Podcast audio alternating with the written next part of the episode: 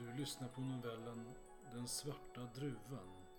Skriven och uppläst av Fredrik Stenneck. Seglen smällde ovanför Rois huvud när fartyget styrde upp mot den varma, sydliga vinden. Han ställde sig i skuggan bakom masten och betraktade berget som långsamt höjde sig ovanför vattenytan.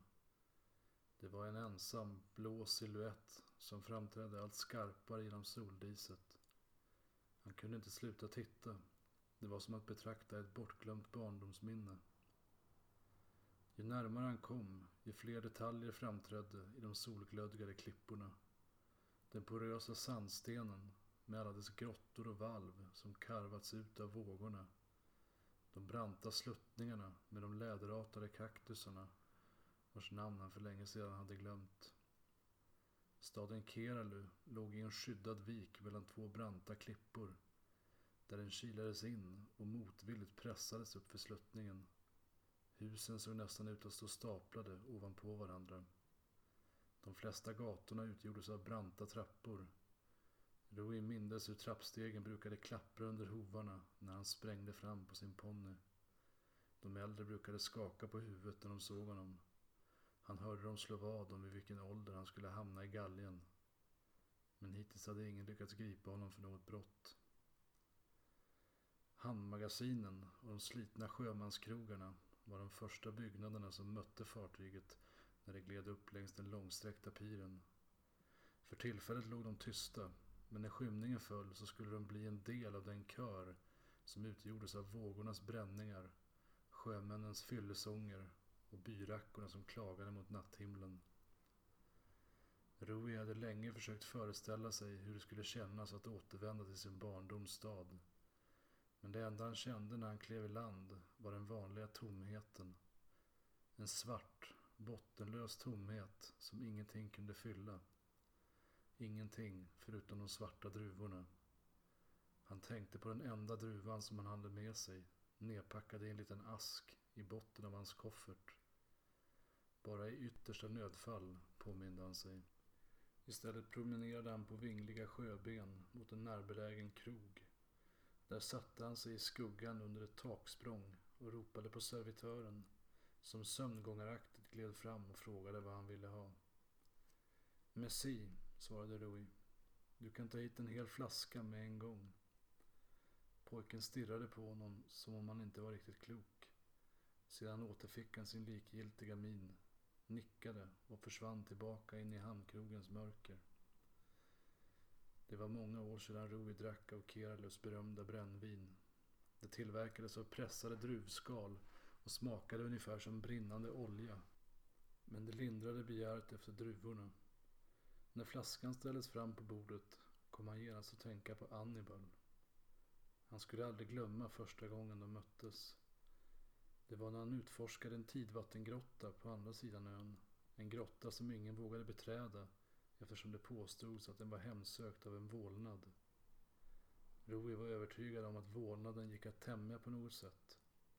Med sig hade han ett finmaskigt fiskenät och en glasburk med skruvlock i hopp om att kunna fånga in den. I grottans mynning hittade han sitt första spår. Det var en lång, sylvass dolk som låg inkilad mellan två stenar. Vapnet gjorde honom förbryllad. Han plockade upp det och begav sig längre in i mörkret. Medan han trevade sig fram började tidvattnet rulla tillbaka in i grottan. Men han ville inte avbryta jakten. När han till slut bestämde sig för att ge upp var det för sent att återvända. Havsvatten forsade in genom grottans mynning. Allt var bara virvlar och skum. Rui flydde allt längre in i grottan medan vattnet kippade under stövlarna. Det hördes ett gurglande ljud som om grottsystemet utgjorde en del av ett jättelikt svalg. Oljudet var öronbedövande. Till slut hade han tagit sig till den högsta punkten som han kunde hitta. Där satte han sig ner och väntade. Efter en stund fick han syn på en filt som låg hoprullad bakom en sten. Kunde det vara ytterligare ett spår efter vålnaden? Han gick fram och petade försiktigt på den med spetsen av dolken. Då rycktes vapnet plötsligt ur hans händer. Det gick så snabbt att han inte ens hann reagera. Innan han förstod vad som hade hänt var spetsen riktad mot hans hals. Sätt dig ner, sa skepnaden som legat dold under filten. Rui stod kvar och övervägde för ett ögonblick att kasta sig ner i det kokande vattnet. Du kan lika gärna sätta dig ner, upprepade skepnaden. Det kommer att dröja flera timmar innan tidvattnet vänder tillbaka. Och med tanke på att vi kommer att tillbringa en del tid ihop, du och jag, så kanske du kan börja med att säga vad du heter. Rui berättade vad han hette och främlingen presenterade sig som Annibal. Trevligt att träffas. Nu Rui, är det viktigt att du lyssnar. Du får inte berätta för någon att du träffat mig. Om du gör det så måste jag skära halsen av dig. Sen kommer jag döda hela din familj som straff. Förstår du? Rui nickade. Bra, sa den svartklädda mannen. Han satte sig mödosamt upp, höll sig för revbenen och stönade mellan sammanbitna tänder. Louis undrade om han var skadad, men vågade inte fråga. Han vågade knappt öppna munnen för att andas. Tiden förflöt oändligt långsamt. Till slut hördes ett skvalande ljud när vattenmassorna sjönk tillbaka ut genom grottan. Han tittade på skepnaden som nickade åt honom. Du kan gå nu, men jag vill att du gör mig en tjänst. Vadå? Jag vill att du kommer tillbaka hit imorgon med rena bandage och saltad fisk och druvsprit. Minst tre buteljer. Rui vågade inte annat än att lyda. Han var övertygad om att skepnaden menade allvar med sitt hot. Men det var inte bara rädsla som drev honom, utan lika mycket nyfikenhet. Nästa morgon återvände han till grottan med saltad fisk och tre flaskor sprit. Annibal drack den första i ett enda svep, som om det vore vatten. Sen öppnade han nästa butelj och tog några klunkar innan han ställde undan den och torkade sig om munnen. Hoppsan, det verkar som att du måste komma tillbaka imorgon med fler flaskor. Rui svarade att han kunde skaffa fram hur många flaskor som helst. Hans far brände sprit på skalen och kärnorna som blev över efter vintillverkningen och hade hela källaren full med messi. Han skulle aldrig märka om det saknades några flaskor. Bröd och fisk stal han från en närbelägen restaurang. Bandage klippte han från några gamla lakan. Varje gång han begav sig till grottan stannade han kvar en stund och höll Annibal sällskap. Han passade på att fråga honom om den riktiga världen. Den som låg utanför den bortglömda ö där han vuxit upp. Han hade alltid drömt om att få resa till fastlandet. Den plats bortom horisonten dit alla fartyg tycktes vara på väg. Det var inte speciellt svårt att lista ut varför Annibal gömde sig i grottan. Stadens rikaste köpman, Carneiro, hade nyligen blivit mördad. Någon hade smugit in på hans 50-årskalas och dränkt honom i en av hans egna vintunnor. En av vakterna hade avlossat en armborstpil och skadat inkräktaren svårt. Men han hade kommit undan genom att kasta sig från en klippa ner i havet. Ingen kropp hade återfunnits. Man antog att någon hade lejt en mördare utifrån. Ingen pekades heller ut som misstänkt. Det kunde vara vem som helst. Köpmannen var avskydd av många på ön. Rui hade flera gånger tvingats bevittna hur den fetlagde mannen förödmjukade hans far. Köpmannen hade monopol på all vinhandel och kunde behandla öns vinodlare nästan hur han ville. Så när han krävde att Ruis syster skulle tillbringa en natt hos honom hade hon inget annat val än att lyda. Efter den natten blev hon aldrig sig själv igen. Jag vet vem du är, sa Rui en dag till Annibal. Jag vet att det var du som mördade Carneiro. Han var ett svin. Han förtjänade det. Annibal ryckte på axlarna. Jag bryr mig aldrig om vem det är jag mördar. Visste du inte vem han var? Nej, det blir enklare så. Någon betalar. Någon måste dö. Jag är bara en mellanhand. En budbärare. Mördar du för pengar? Frågade Rui storögt. Jag tillhör Kahir. Det är vad vi lever av. Rui trodde först att han skämtade. Så vitt han visste var Kahir en slags onda andar. Något som han skrämde barn med.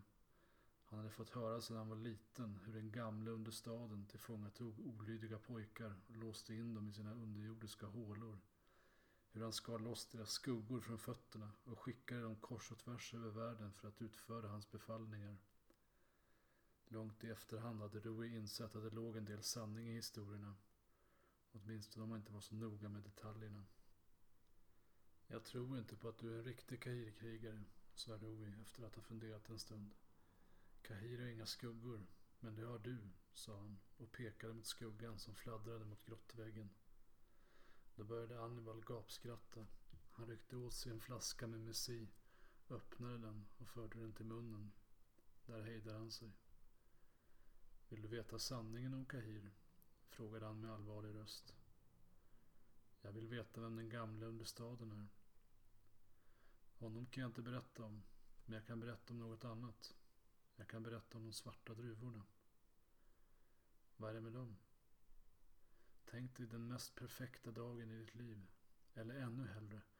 Föreställ dig att du är ett med världen och att världen är fullkomlig. Så känns det när du äter av dem. Efteråt känner du ingen hunger, ingen smärta, ingen törst. Du slutar andas. Din kropp löses upp. Du blir en skugga, en vålnad. Men varför kidnappar ni pojkar? Det gör vi inte. De kommer frivilligt till oss i hopp om att få ansluta till vår klan. De flesta får vända hem igen. Bara en handfull väljs ut för att tjäna den gamle. Vad krävs för att bli utvald? Det kan jag inte säga, sa Hannibal och tittade mönstrande på honom.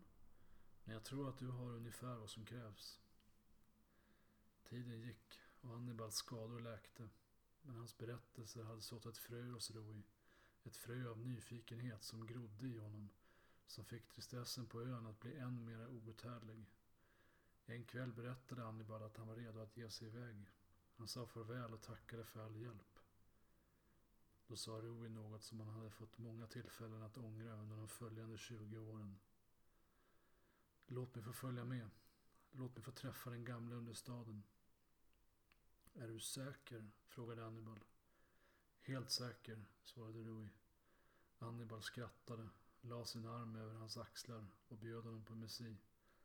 Rui försökte dricka, men hulkade ofrivilligt när de brännande dropparna rann ner genom hans hals. Följande morgon lämnade de ön tillsammans i lastutrymmet på ett handelsfartyg. Rui sa inte farväl till någon. Han lämnade inte ens ett meddelande efter sig. Vilken fruktansvärd ovisshet som han tvingat sin familj att leva med. De måste ha trott att han råkat ut för en olycka. Han kunde se framför sig hur hans far måste ha seglat runt ön och undersökt varje vik, varje klippskreve på jakt efter hans kropp. Förgäves. Hur hade han kunnat vara så självisk? Rui stirrade på den urdruckna flaskan som stod framför honom på bordet. Han började få allt svårare att fokusera blicken. Snart skulle druvspriten förvandla allting till en dimma. Han sträckte ner handen i kofferten och fick tag i den lilla asken, tog upp den och la den framför sig på bordet. Trots att han inte öppnade den kunde han ana den skämda lukten. Bara som en absolut sista utväg hade den gamle varnat. Rui la tillbaka asken längst ner i kofferten. Sen höjde han blicken och tittade mot det grå skeppet, dödstemplet, som låg förankrat längre ut i bukten.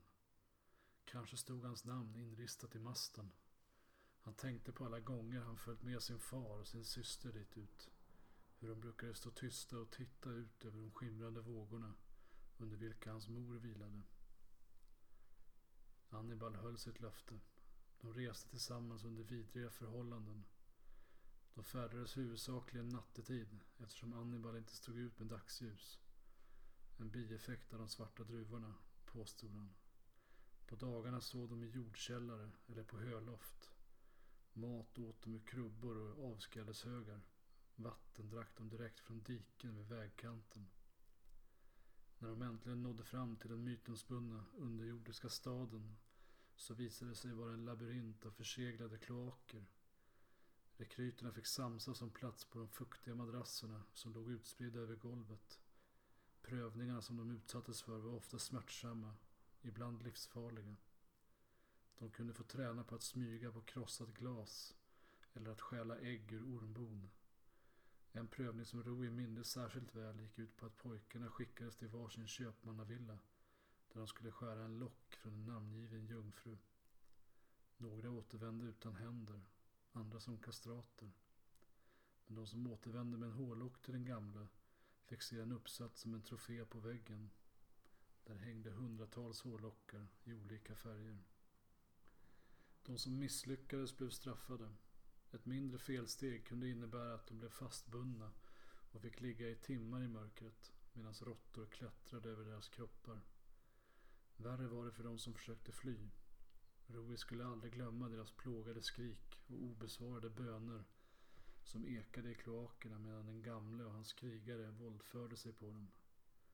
Själv kunde han inte minnas att han blivit utsatt för någon bestraffning. Möjligtvis med undantag av en örfil när han glömde titulera en överordnad. Han var ofta framgångsrik i sina uppdrag och belönades därför ständigt med svarta druvor. Det var en obeskrivlig njutning när de rullade över tungan, när skalet krossades mellan tänderna och druvsaften rann ner i strupen. Alla obehagskänslor försvann.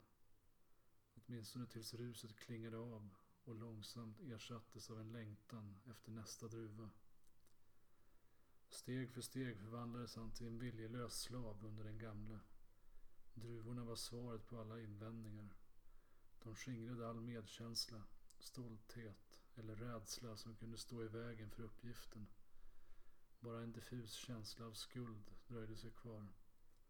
Men den växte sig starkare för varje år. Rui började drömma mardrömmar. Han vaknade om nätterna och bad de som han hade mördat om förlåtelse.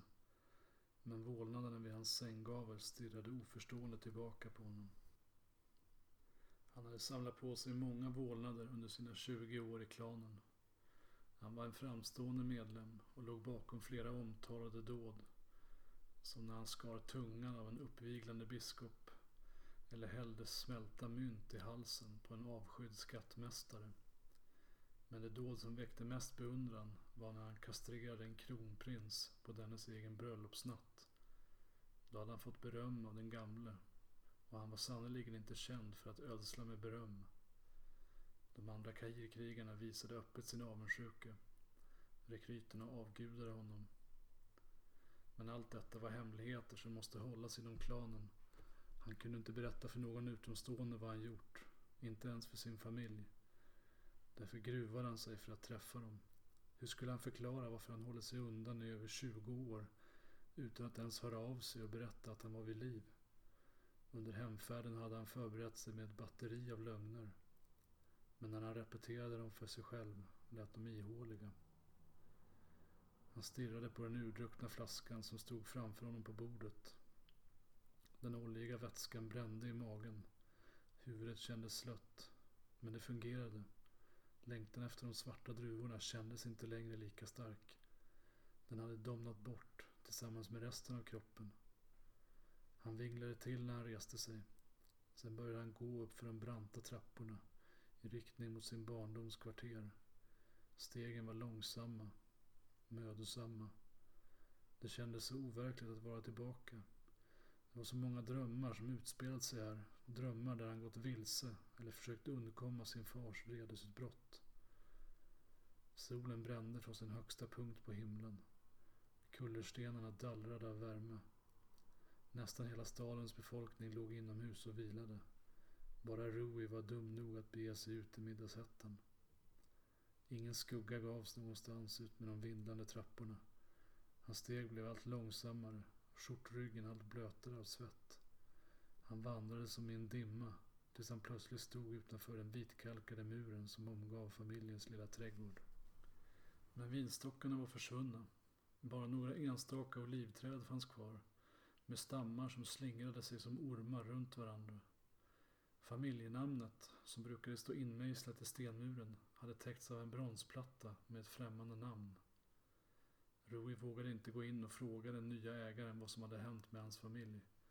Istället frågade han några förbipasserande, men fick bara axelryckningar till svar. Till slut hittade han några krokiga gummor som stod och skvallrade vid brunnen.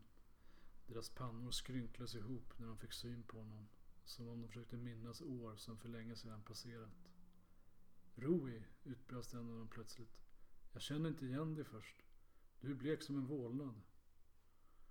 Precis så kände han sig. Som en vålnad som hemsökte sin barndoms kvarter. Han frågade gummorna om de visste vad som hade hänt med hans familj. De började genast prata i munnen på varandra, skaka på huvudet och beklaga sig. De berättade hur Ruis far hade kastat sig i havet, samma hav som tagit hans hustru och son ifrån honom. Vad hände med min syster? frågade Rui tonlöst. Någon avlägsen släkting kom hit och sålde gården och tog med henne till fastlandet. Minns inte vad han hette, sa en av gummorna. Jag som trodde att hon hamnade på ett barnhem, sa en annan. Jag hörde att hon gifte sig med en köpman, en porslinshandlare, sa en tredje. Tok, hon var ju bara ett barn, sa den första. Roy tackade för upplysningen och gick därifrån. Marken gungade under fötterna. Han satte sig ner vid en taverna med ett tak av sammanflätade citronträd där guldgula frukter hängde från grenarna. Därifrån kunde han se det mesta av vad som brukade vara hans fars vingård. Ingen verkade sköta om den längre. Tistel och kardborrar växte midjehöga i trädgårdslandet.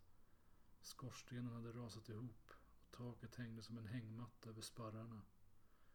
Han beställde in ett glas av det söta dessertvin som hans far brukade framställa. Det smakade som flytande marmelad. Vad hade han egentligen förväntat sig? Att hans familj skulle möta honom med ett dukat middagsbord. Att allt bara skulle ta vid där det slutade, för mer än 20 år sedan. Han tog den sista skvätten av det dyrbara vinet och studerade den grumliga hinnan som täckte insidan av glaset. Vad skulle han nu göra med sin meningslösa och hårt förvärvade frihet? Han kom att tänka på pojken vars liv han förstört. Det var priset för den som sökte utträde ur Kahir-klanen. Först betalade man en lösensumma som motsvarade ens egen vikt i guld. Sen överlämnade man en pojke med övertygande talang till den gamle. Rui hade lyckats övertala en föräldralös ficktjuv att ta hans plats. Han hade begått samma oförlåtliga synd som Annibal en gång begick mot honom. Skuldkänslorna som kokade inom honom var outhärdliga. Han gick iväg till avträdet bakom tavernan och låste dörren bakom sig med en hasp. Flugorna surrade ilsket i mörkret. Han tog upp asken och lät druvan rulla ut i handflatan. Den var blåsvart och stor som ett plommon. Det halvruttna skalet hade börjat mjukna. Den här druvan har fått mogna så länge att den börjat ruttna. Fruktsaften är så stark att den mycket väl kan döda dig. Men om du överlever så kommer du att bli fri från druvornas förbannelse. Så hade den gamle sagt. Roin försökte föreställa sig hur det skulle kännas att dö i druvornas rus. Han insåg att det inte var döden han fruktade, utan livet. Ett liv där han tvingades vakna varje dag och leva med skammen över vad han gjort. Han tog mod till sig, lyfte den skrumpna druvan mellan tummen och pekfingret och förde den till munnen. Han krossade skalet mellan kindtänderna och lät den skämda saften fylla munnen innan han svalde. Den var så stark att det blixtrade framför ögonen.